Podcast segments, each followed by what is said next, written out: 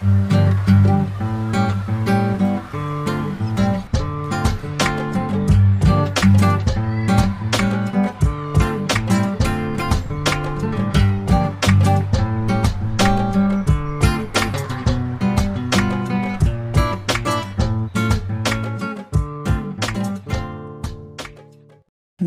bij de podcastserie van de Rudolf Steiner School uit Breda. Gemaakt voor en door ouders en docenten. In deze podcastserie willen we stilstaan bij de waarde van en ons enthousiasme voor het vrije schoolonderwijs. Dit doen we door dieper op verschillende onderwerpen in te gaan, door docenten, ouders en kinderen aan het woord te laten. Alles wat we behandelen, soms luchtig, soms diepgaand, zal in relatie staan met de tijd waarin we leven en de uitdagingen die dat soms met zich meebrengt. Veel luisterplezier gewenst! Welkom bij deze vierde aflevering van de podcastserie van de Rudolf Steiner School in Breda. Ik ben Jetske. En ik ben Esther van der Klein. En ik ben Sterre. En ik ben Wessel. En ik ben Nat.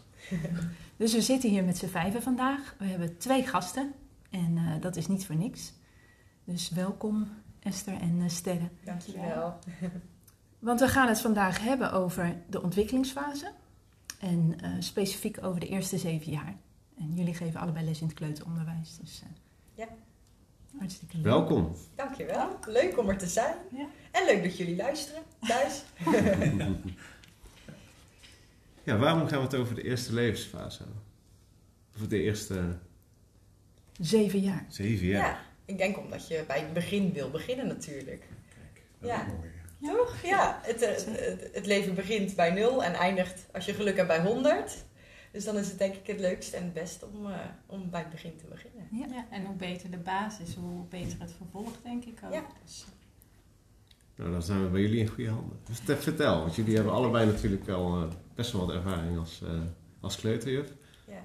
Wat, ja, wat maakt het, eh, het, het vrije schoolonderwijs zo speciaal als het gaat om de, de eerste kleuterklas? Nou, het leuke aan ons vind ik wel, denk ik, de combinatie van Esther en mij is dat we wel allebei hele andere ervaring hebben in het verleden op, met werk op basis, in basisonderwijs en op de vrije school. En ik denk dat we elkaar wel goed aan kunnen vullen in ons antwoord. ja.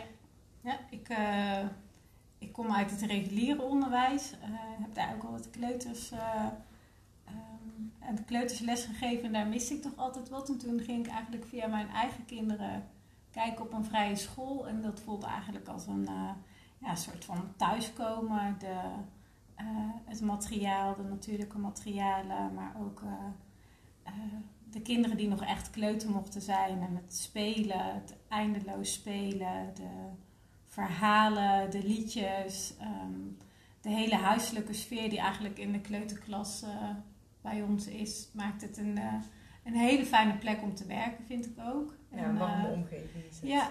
En, eh, en voor de kinderen ook gewoon, eh, ik denk voor de kleuters een goede plek om, eh, ja, om, om een goede basis te leggen. Sluit ik niet bij jou. En nou hadden we het net over die, de eerste zeven jaar en de metafoor van het huis. Ja. Dus, want ik, ik vind het zo mooi, het lijkt alsof die ontwikkelingsfase, wat we, nou, we hebben net een voorgesprekje gehad, wat, wat ik al een beetje gehoord heb, alsof dat een kader vormt voor jullie onderwijs. Ja. En eh, ja, kunnen jullie iets over, dat huis vertellen? En, en die eerste zeven jaar van de ontwikkeling van de Ja, kleuters. zeker. Ja, je, moet het eigenlijk zo zien. Alt heeft er ook al heel kort even iets over verteld in een vorige eh, aflevering. Dat je eigenlijk als kind, als, als, als heel jong kind, eh, eigenlijk als baby zelf, zit je eerst natuurlijk negen maanden in de buik van je moeder. En dan ehm, vervolgens word je geboren. Ehm, en wij zeggen dan in antroposofie, daarvoor was ook al iets. Dat kind komt uit de geestelijke wereld hier op aarde. En ehm daar kunnen we zo meteen misschien nog wel even op ingaan. En ehm, dan komt het eh, eh, op aarde en dan moet het zichzelf eigenlijk, het huis wat hij heeft gekregen, dus zijn lichaam eigenlijk, moet hij zich helemaal eigen gaan maken. Dus ehm, alle kamers doorzoeken van hoe zien die eruit en hoe zit het huis in elkaar.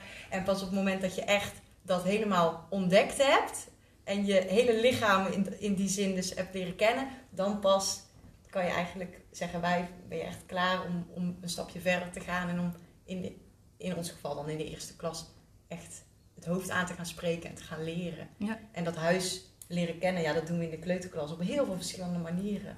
Ja. Eh, op motorisch vlak, eh, heel veel zingen, heel veel creatief, eh, creatieve dingen. Versjes, liedjes, vingerspelletjes. Eh, heel veel huishoudelijke dingen ook wel. Echt de basis is het eigenlijk, hè, Hm. van het ontdekken van je lichaam. Ja, in de ochtendspel zitten de, de ambachten natuurlijk heel erg eh, verwerkt. Het Ja. malen van het meel, hè, alles wat past bij de, de jaarfeest of de seizoenen. Ja. En dan het liefst eh, met, met het hele lijf. Want kleuters die, peuters en kleuters doen nog alles met hun hele lijf. Het stilzitten op de stoeltjes is een enorme uitdaging. Dus dat moet je eigenlijk ook niet van kleuters vragen. Nee. En daar proberen wij in ons onderwijs wel zo goed mogelijk gehoor aan te geven. Door de ochtendspelende dingen zoveel mogelijk in de beweging te doen en in de Ja. nabootsing. Hè, zij het klein via vingerspelletjes of groot via een ochtendspel. Ja. Het is eigenlijk ongelooflijk als je ziet wat een, wat een kind in de eerste zeven jaar leert. Hè, van baby die eigenlijk niks kan, leer je zoveel dingen. Ik denk dat je dat niet meer in je latere leven zoveel in zo'n korte tijd ja. eh, leert toen. Heel dat, heel dat lijf besturen, alles wat je ermee kunt. Ja, Ehm, dus daar gaat gewoon heel veel, daar gaat alle energie in zitten. En ehm, die ruimte moet er ook zijn. Daarom is het ook zo belangrijk dat ehm, warmte is ook een heel belangrijk onderdeel. Vandaar ook de natuurlijke materialen, want die, eh, die nemen snel de lichaamswarmte over. Dus dan gaat er geen, geen energie in ieder Ja. geval nog naar het opwarmen van dat materiaal. Maar dan voelt het gelijk als één. En ehm, bij je was is daar ook heel, eh, Ja. heel fijn materiaal voor. ja, hout en bol. Ja, en, en we, we doen dus eigenlijk alles wat jij al noemde, de ambachten. En eh, nu, nu in deze tijd is dan een beetje het schapenscheerderstijd is nu eh, aangebroken. Eigenlijk nog net een paar weken terug zijn we daarmee begonnen. Dat je echt gaat beginnen bij het scheren van een schaap. Doen we ook allemaal na in de ochtend spelen. Gaan we een schaap scheren en kaarden en de wol wassen en de wol verven. En, nou, dat doen we allemaal. En, en dat maakt dat kinderen dus ook ervaren en voelen waar het allemaal vandaan komt. Ik heb wel eens eh, eh, een oppaskindje gehad en die eh, hadden het over melk. En die, die zei van ja, melk komt toch uit de supermarkt? Dat eh, denken sommige kinderen denken, dat vind ik heel, heel grappig. En, en wij proberen dat de kinderen echt bewust van te maken van ook met een koe melken doen we ook na, dat soort dingen. Dat ze weten waar het allemaal, Ja. allemaal begint, zeg maar. Ja. ja. Ja, en je vertelt het niet eens alleen. Want dat gebeurt natuurlijk ook. Ja. Maar je laat het ze echt doen. En dat heeft ook een reden, hè? Hoe, Ja, kinderen doen niet wat je zegt, maar kinderen doen vooral wat je doet. Ja. En dat is ook eh, het idee ehm, dat ze in een, door, door het te doen, eh, kunnen ze mee in de stroom. Want als je het heel erg gaat zeggen, dan ga je toch het bovenste, het denken weer aanspreken. En dat wil je eigenlijk bij kleuters ehm, nog Ja, niet heel erg veel doen. Hè? deels, ja. eh, richting oudste kleuters doe je dat wel. Maar juist dat je gewoon in de stroom, en een soort van... Omdat je zo Weet je, je bent wel op aarde, maar je bent zo tussen, eigenlijk nog een beetje tussen hemel en aarde. Als je zo net op school komt. Dat je ook nog een beetje in die, ja, in die, Die in die droomwereld. Dus gewoon lekker meegevoerd kunt worden in de verhalen. Je die een verhaaltje vertelt en de bewegingen. En dat je je gewoon mee kunt laten voeren in de stroom. En hoe ouder je wordt, hoe meer je daar hè, ook, ook vandaan komt. En dan wel weer interesse krijgt in de andere dingen. Maar dat is een soort heel natuurlijke... ehm, flow is dat waar je dan in komt. En dat is als kleuter gewoon een soort warm bed. Want het is, het is al zoveel om te doen en het is al zoveel om te leren. Er zijn al zoveel prikkels. Dus dan is het fijn als elke dag begint met een ochtendspel. En de, dat je op eh, vaste dagen gym hebt of Mm. eurythmie. Dat, ja, dat is ook wat het vertrouwen geeft, Ja. vaak in de veiligheid. Hè? Dat, we hebben, eh jullie hadden het al over de vooroordelen van de vrije school gehad. eh, dat het zo vrij is dat alle kinderen het zelf mogen weten. Maar juist nee, het, het is heel juist ritmisch. tegenovergestelde. Het is heel ritmisch en elke week ziet er hetzelfde uit. En daardoor krijgen kinderen ook het vertrouwen eh, dat ze al kunnen aanvoelen wat er gaat komen. En dat maakt die stroom ook makkelijker. Ja. Want we weten dat we bij het fruiteten altijd dat liedje zingen. Of eh, we weten dat we na het tekenen ook altijd weer op die manier onze schriften opruimen. En dat maakt dat de kinderen dat dan op een gegeven moment ook al vanzelf gewoon gaan doen. Ja. Ja. Ja, dat is ook echt iets wat je merkt als de, de kinderen, nadat ze een, eerste jaar hebben gehad op school, dat ze veel meer concentratie, eh, dat ze dingen afmaken. Dat, ja, dat merk je als ouder wel echt dat dat, eh, dat ze dat mee eh, terug naar huis nemen. Dus dat is Ja. heel leuk om te zien. eh. Ja, dat is de kracht van herhaling. Ja. Ja, En Ja. structuur. Ja, Dus zeker. Ja. ja. ja. Ja, en het ook wel goed op de goede manier eh, voorleven. En, en Ja. eh, dat de kinderen het op een goede manier na kunnen bootsen. Als je, ik weet niet of jij dat herkent, Esther, van als je een keer eh, een dag hebt als leerkracht zijn en dat je misschien wat moeier bent dan anders. En dat je dan net de dingen ook anders doet, daardoor dan je het altijd doet, merk je meteen aan de kinderen Ja. ook dat, het, dan, dat de dag dan anders loopt Ja. voor je gevoel. Dat het Ja. dan moeizamer is. En dat komt dan puur en alleen uit het feit dat jij als leerkracht zelf anders voor de klas staat dan anders. Ja. Eh, dus, dus als je als leerkracht moet je in die zin ook vooral als kleuterleerkracht ook goed voor jezelf zorgen. Ja. Ja. Omdat die, eh, ja die, de kinderen ook van jouw energie nodig hebben. Ja. Hè? Ja. Dus je hele gemoedstoestand, alles wordt eigenlijk, krijg je gelijk eh, gespiegeld Ja, eh, in ja, echt waar. Ja. Dat is heel Ja. bijzonder. Ja. Ik denk dat ouders wel kunnen beamen dat ze dat zelf al met een iets minder kin- aantal kinderen hebben. Ja. Dat je dat dan een keer Ja. 25 doet. Dan, eh, ja, ja. Ja. Dat dat eh, een leuke wisselwerking is. Ja. Maar vanuit die gewoontevorming zeg maar, die je hebt, heel sterk in de kleuterklas, denk ik ook dat je bij de kinderen zeg maar, ook het, eh, ja, de levenskrachten opbouwt. Hè? Ja. Dus dat je de kinderen ook juist energie geeft. En Ja. eh, dat dat in die zin ook heel positief werkt. Dus dat bouwt Ja. mee aan het huis. Ja. Hè, van- Vanuit die Ja, dat nadoen, eh, dat je op die manier de kinderen als, als het ware in het ritme gewoon van het leven zet. Ja. En dan dus een hele positieve stroom als het ware bij de kinderen teweeg brengt. Dat is ook waarom we ons onderwijs vaak ook gezondmakend onderwijs noemen. Hè? Ja. Eh, niet omdat zieke kinderen daar ineens beter van worden, maar omdat het voor kinderen heel gezond is om op die manier in die stroom eh, te kunnen komen. Ja. En zich zo natuurlijk, op een natuurlijke manier te ontwikkelen. Ja. Ja. Het klinkt ook alsof het onderwijs is wat van binnen naar buiten gaat. Ja. In plaats van wat natuurlijk de informatie wat allemaal Ja. Ja, kinderen af wordt. Ja, we zeggen ook, hè, het is, op de vrije school is het een, een vuur ontsteken en niet een vat vullen. Precies. Dat is wat we, wat we zeggen, ja. Ja. Ja, dat hoor ik. Gaaf. Ja. Dat is wat je wil. Want dan Ja. kunnen ze zich ook ontwikkelen. Dat is ook zo'n mooi woord natuurlijk. Ja. Leren, leren, hoorde ik jou daar straks Leren, al zeggen. leren, ja. Ja. ja, ik denk dat als je een kind leert leren, dan zijn de mogelijkheden eindeloos. Terwijl als je er een trucje, ja, je kan iedereen een trucje aanleren, maar als je dat trucje dan eenmaal kent, ja, dan is dat trucje klaar. Mhm. Als je niet weet hoe je een nieuw trucje moet leren, ja, dan eindigt het daar. Dus dat is zo fijn. En daar beginnen we, hè, in die, in die, daarom is het ook zo fijn in die ochtendspelen. Daar zijn altijd, zit altijd een, de ambacht zijn altijd het werken. Dat het werken ook leuk is. Want als jij eh, het, het meel, mm, hè, de eerste het graan oogst, enzovoort, enzovoort. Dan heb je uiteindelijk kan je daar een brood van bakken. Als jij het schaap scheert en je doet al die handelingen, kan je daar een trui van maken. Het is zinvol Ja, als daardoor. Ja, Ja, steeds als je teruggaat naar de basis, want ze zijn zo bezig met een eigen basis, maar als je ziet dat alles begint bij de basis en als je die stappen goed doorloopt, dan krijg je uiteindelijk een, het is hard werken, maar jij hebt het wel gedaan. Dus ook, het- ik denk dat je daarmee ook wel een, een gevoel van competentie en van eigenwaarde kweekt. Van, hè, het is, was echt ploeteren en echt doorzetten, maar het Ja. is wel gelukt. En nu hebben we lekker broodje Ja, wat we kunnen ja. eten. Ja. En, Ja. En, eh, en, en poppenkleertjes wassen, dat soort dingen. Het zijn allemaal eh, dingen die ogenschijnlijk heel simpel lijken. Maar zelfs de, de oudste kleuters kunnen daar echt een uitdaging uithalen. Om, om, eh, en, en voldoening uit te halen Ja. om de poppenkleertjes te hebben gewassen. En dat Ja. ze dan weer lekker ruiken. En, eh, en de jongste kleuters daar weer fijn mee kunnen spelen. Want waar we het ook over hadden, vaak als ze eh, wat meer richting de eerste klas gaan, dan neem- nemen die fantasiekrachten wat af.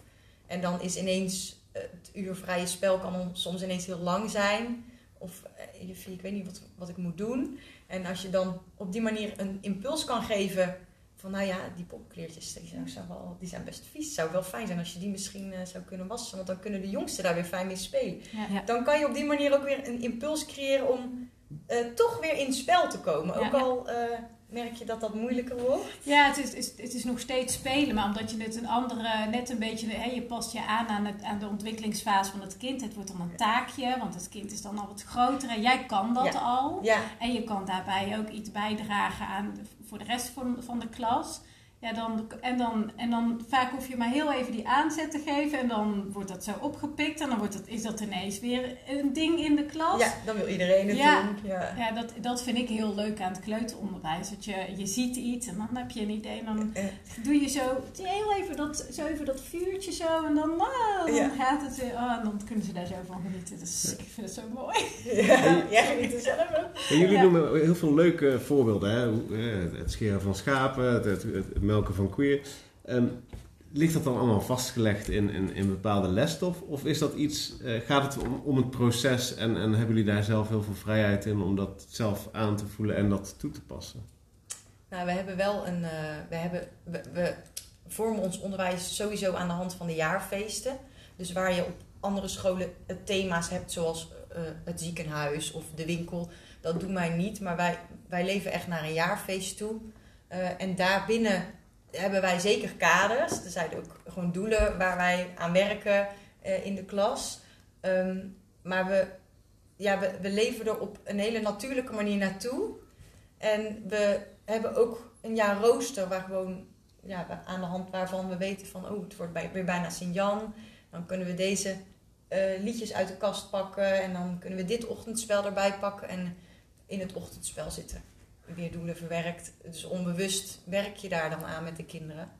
Eh, dus we hebben in zekere zin wel dingen handvatten natuurlijk waar we ons aan vasthouden. Maar het fijne aan het vrije schoolonderwijs vind ik ook wel dat je heel veel als leerkracht ook kan aanpassen aan waar jouw klas op dat moment behoefte aan heeft. Ja. Dus is jouw klas echt een zangklas, dan kan je heel veel gaan doen met eh kringspelen en echt daarop inzetten. Terwijl als jouw klas als je Eh, een mannenklas hebt met... ja, eh, een motorische dan- vraag, ja. dan- Dan trek je de timmertafel Ja. en dan denk je, oké, doe Nou, dan gaan jullie een vuur timmeren, weet Ja. je wel? Ja, zo. Ja, dat, dat is inderdaad de kunst. En dat vind ik het mooie aan... eh, hè, dat kan natuurlijk in andere klassen ook wel. Maar dat vind ik heel leuk aan de kleuters. Dat je heel goed in kunt spelen, inderdaad. Op de behoefte. eh, aan de, op de behoeften van de kinderen. En dat je... ehm, ja, je, hebt, je geeft geen lesjes in de kleuterklas. En jij hebt als leerkracht heel goed voor ogen hè, waar ze zijn en waar ze heen moeten en welke stappen je moet lopen.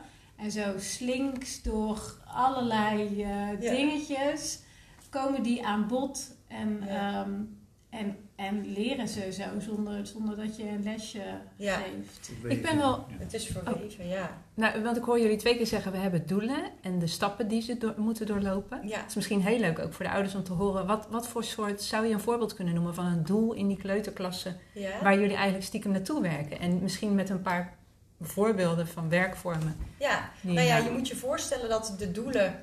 Dat is, ja, dit is een plat praatje hoor. Maar Ja. dat de doelen opgedeeld zijn in bepaalde categorieën. Dus je Ja. hebt eh, fijnmotorische doelen, grofmotorische doelen, sociale doelen, Mhm. eh, taal- en rekendoelen. Eh, nou, dus je hebt verschillende categorieën. En daarbinnen zijn er stappen van je verwacht natuurlijk niet van een vierjarige hetzelfde als van een zesjarige. Nee.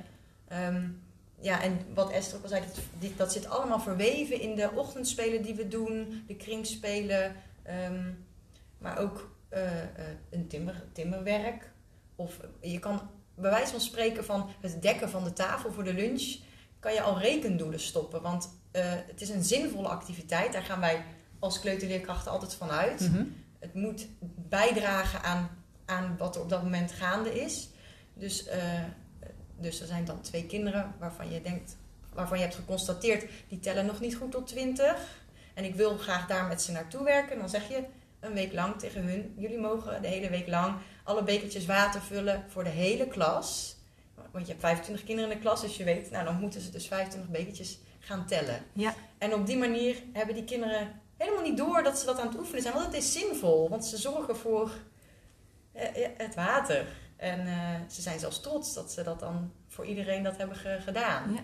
En ondertussen kan jij als leerkracht aan het einde van de week zien van, oh kijk, het lukt. Dus, eh, dus dat soort dingen eigenlijk, Ja. dat zijn voorbeelden van hoe je dat dan doet. Ja, kijk, aan het einde van de kleuterperiode moeten kinderen wel aan een aantal voorwaarden voldoen om te kunnen gaan leren lezen en, en rekenen. Als jij niet Ja. kunt tellen, Nee. ja, superleuk in de eerste klas, maar het is wel echt heel lastig dan. Ja.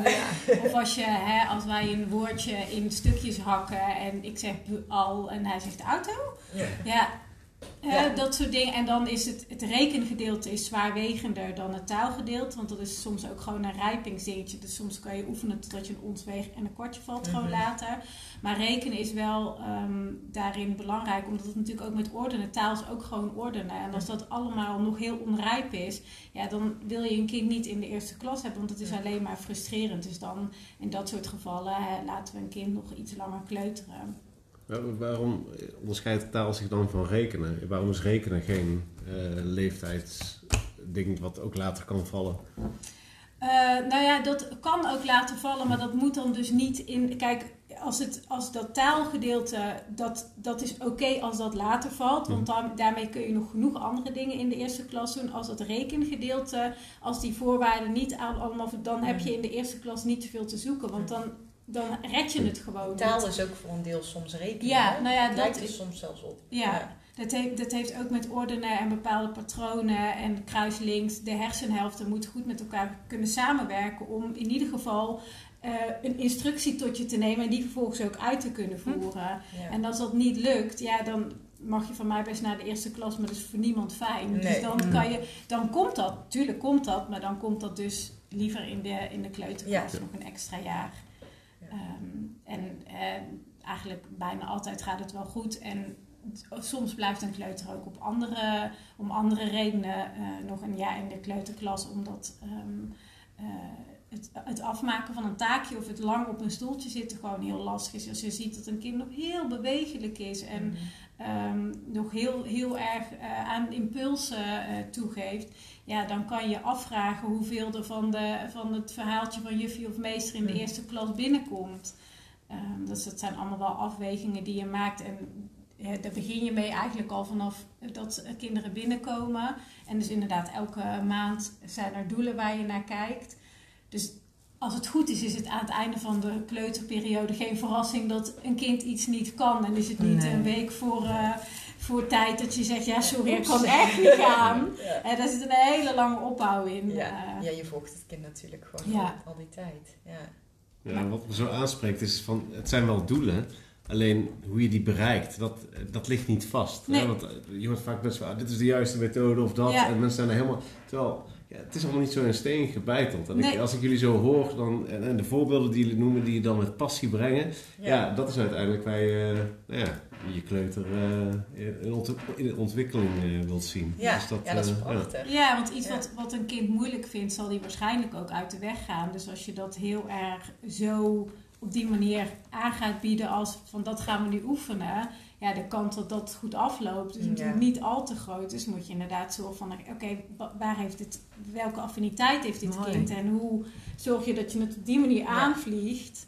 En eh, ja, dat is sowieso, ik, ik denk dat dat überhaupt meer in het in heel het onderwijs dat je gebruik maakt van de talenten van kinderen. Want ieder kind heeft ergens een talent zitten. Om daarmee de dingen die je lastig vindt hè, Om te het op die kunnen. manier aan te ja. spreken. Ja. In plaats van te duwen op wat ze Ja, nog niet kunnen. Nou ja, want hoe En te zeggen dat is ze het dat? moeten Het lukt niet. ja. En jij moet, hè, je vindt het moeilijk om te lezen. Dan moet je Ja. eindeloos gaan lezen of rekenen. Ja, mm, ja. Ja. Terwijl als, het, als je iets anders wel goed kan of leuk vindt. Ja, hoe mooi zou het zijn als je dat kunt combineren. Ja. En dan ineens erachter komt een maand Ja. later dat je iets kan wat je Ja. nog niet kon. Ja. Ja. En daarom is dat ook de reden dat jullie niet met cijfers werken. Want cijfers natuurlijk van, de- het is voldoende of onvoldoende. Ja. Ja. Ja. Ja, dat En terwijl eigenlijk is het een momentopname van iets wat een proces is. En Ja, je moet kijken inderdaad naar hoe ontwikkelt dit kind Ja. zich en welke stappen maakt het kind. En, en daar moet je iets over zeggen, want je kan, ik, kan, ik ben zelf niet heel goed in tekenen. En als ik elk jaar op mijn rapport een drie voor tekenen had gehad, nou, dat, was, dat is best ontmoedigend. Ja. Terwijl als je van je leerkracht hoort van, vorig jaar toen tekende jij eh, een huis zonder schoorsteen en nu zit er een schoorsteen op. Bij wijze van spreken, hè? Ja. dan hoor je wat er al beter eh, gaat en waar je nu waar je staat in je ontwikkeling. En dat is denk ik het belangrijkste, dat je daarnaar kijkt. Ja, en ik denk ook, kijk, een 8, ik denk dat, dat iedereen dat een goed vindt. Maar een 6 kan Ja. ook voor iemand een 8 zijn. Als jij het heel moeilijk vindt om Ja, weet ik veel welk vak te doen, dan kan die 6 ook een 8 zijn. Terwijl als je het in voldoende, onvoldoende goed, dan is het op iedereen toepasbaar. Zonder dat er eh, inderdaad een ander oordeel bij zit. Want als jij je stinkende best hebt gedaan en een 6 is echt het hoogst haalbare, dan dat is, is dat voor jou dus een goed. Dan is het voor jou eigenlijk een 8. Maar ja, hè, volgens de cijfertjes is het maar een 6. Ja, dat is heel eh, Ja, dat is mooi jammer. Ja. Ja, zo is het. En die toelichting erbij, ja, dat is gewoon fijn ook in. eh, want het gaat om het proces inderdaad. Dus het is goed dat je dat, dat je dat benoemt. En dat daar ook oog voor blijft. Mhm. Ja. Ja, en vanuit het beeld, ik vond het voorbeeld van de jas, eh, waar we het zo even ook over hadden. Kan, je- kan je dat nog eens zeggen? Hoe je iemand bijvoorbeeld een instructie kan geven dat hij zijn jas ergens moet hangen en hoe dat misschien wellicht in regulier onderwijs Ja. of wij als ouders thuis eh, anders doen? En soms in de klas ook wel Ja, ja, natuurlijk. Laten we realistisch blijven. Maar je moet eigenlijk proberen om, om eh, ja, als leerkracht ben je jezelf sowieso heel erg bewust van hoe jij voorkomt. Ja. Dus een, een eh, zijpaadje daarvan is dat eh, op, uit gewoonte ik heel vaak mijn jas aan mijn stoel hing als ik binnenkwam.